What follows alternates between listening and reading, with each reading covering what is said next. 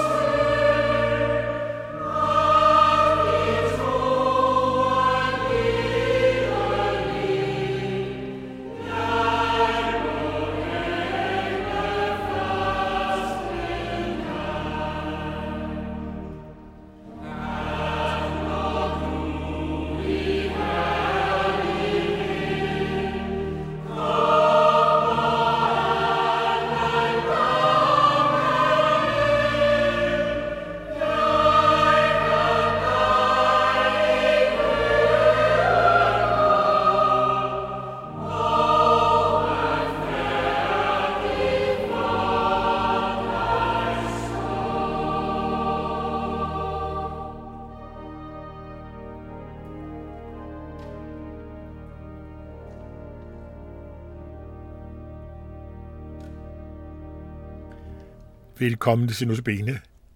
Vi har netop lyttet til en dejlig adventssalme, Tak og ære være Gud. Vi er stadig i adventstiden, forberedelsestiden. Forberedelse til Herrens komme i julen, og forberedelsestid til, at han kommer igen anden gang. Vi har set på løfter i gamle om, at han skulle komme som verdens frelser. Og i går, der læste vi juleevangeliet, ifølge Paulus.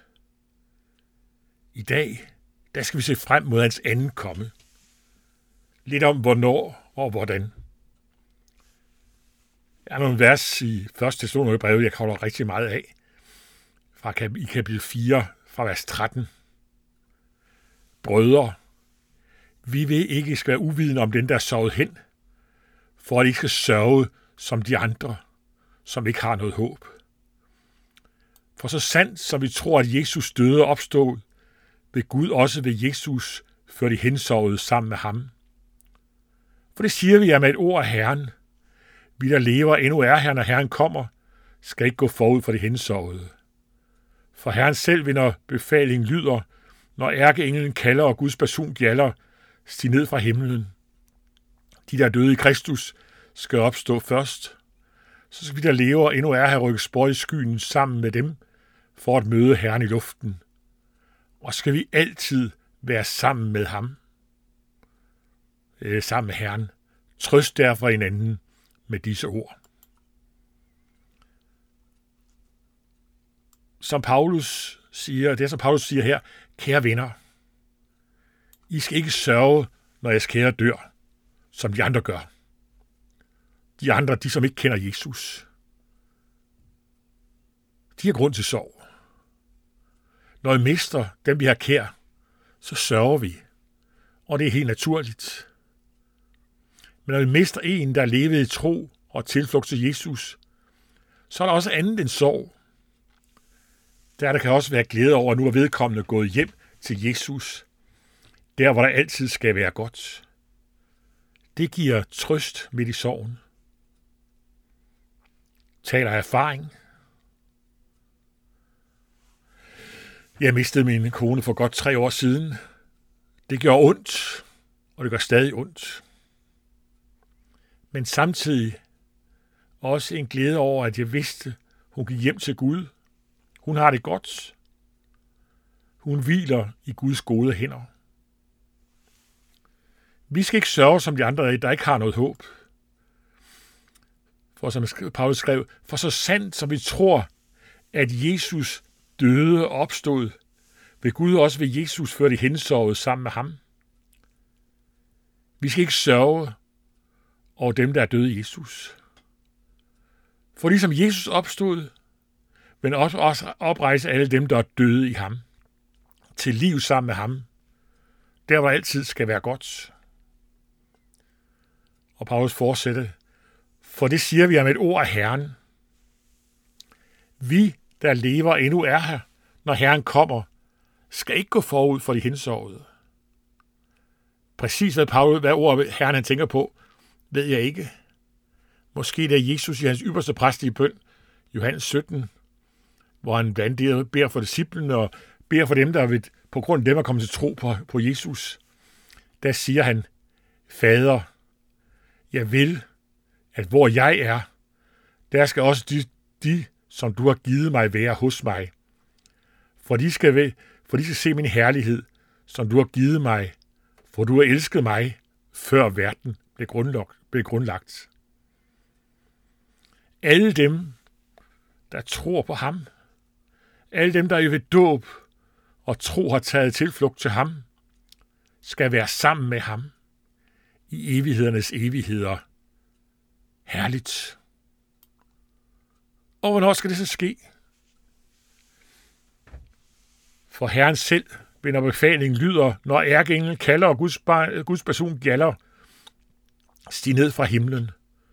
De, der er døde i Kristus, skal opstå først. Så skal vi, der lever og endnu er her, rykkes bort i skyen, sammen med dem for at møde Herren i luften. Og skal vi altid være sammen med Herren. Vi kender ikke tidspunktet. For som Jesus han siger, at dag og time er der ingen, der kender, hverken engle i himlen eller sønnen, men alene faderen. Det behøver vi ikke grund på, hvornår det bliver. Altså, vi, ikke prøve, vi kan ikke prøve på at udregne, hvornår det bliver. Det har mennesker forsøgt på igennem alle tider, og altid taget fejl. Kun Gud ved, hvornår det sker. Til gengæld er der ingen, der er i tvivl, når det sker, når basunen gælder. Vi må blot være rede til at tage imod ham. Advent kommer Herrens komme, minder os om at vred, være vrede, når han kommer igen. Når besunen gælder, der vil Herren stige ned. Og først til de, de, de, som er døde i Kristus, op af gravene. Derefter skal vi, der lever, bortrykkes, og skal vi altid være sammen med ham, sammen med Herren. Det er herligt at tænke på. Hvad enten vi er døde i troen på Jesus, eller lever i troen på ham den dag han kommer, skal vi være sammen med ham. Trøst derfor hinanden med disse ord. Det er ord til trøst, det afsnit, vi er sammen, med, sammen om her. Håber det også er det for dig. Vi skal møde Herren i skyen, stod der, og skal vi altid være sammen med ham. Ikke et spørgsmål, om vi skal svæve rundt på små lyserøde skyer med hver vores harpe, som man tit ser fremstillet i vildhedstegninger. Men det skal vi se mere på i morgen. Vi ved, basunen skal gjalde, og Jesus kommer igen for at hente sine hjem til sig. Derfor må teksten også være en opmuntring til at være redde. Herre, tak at du har lovet, du kommer igen for at hente dine hjem til dig. Der hvor alt skal være godt. Må vi være med der af din nåde. Amen. Sagde før, jeg mistede min kone for godt tre år siden.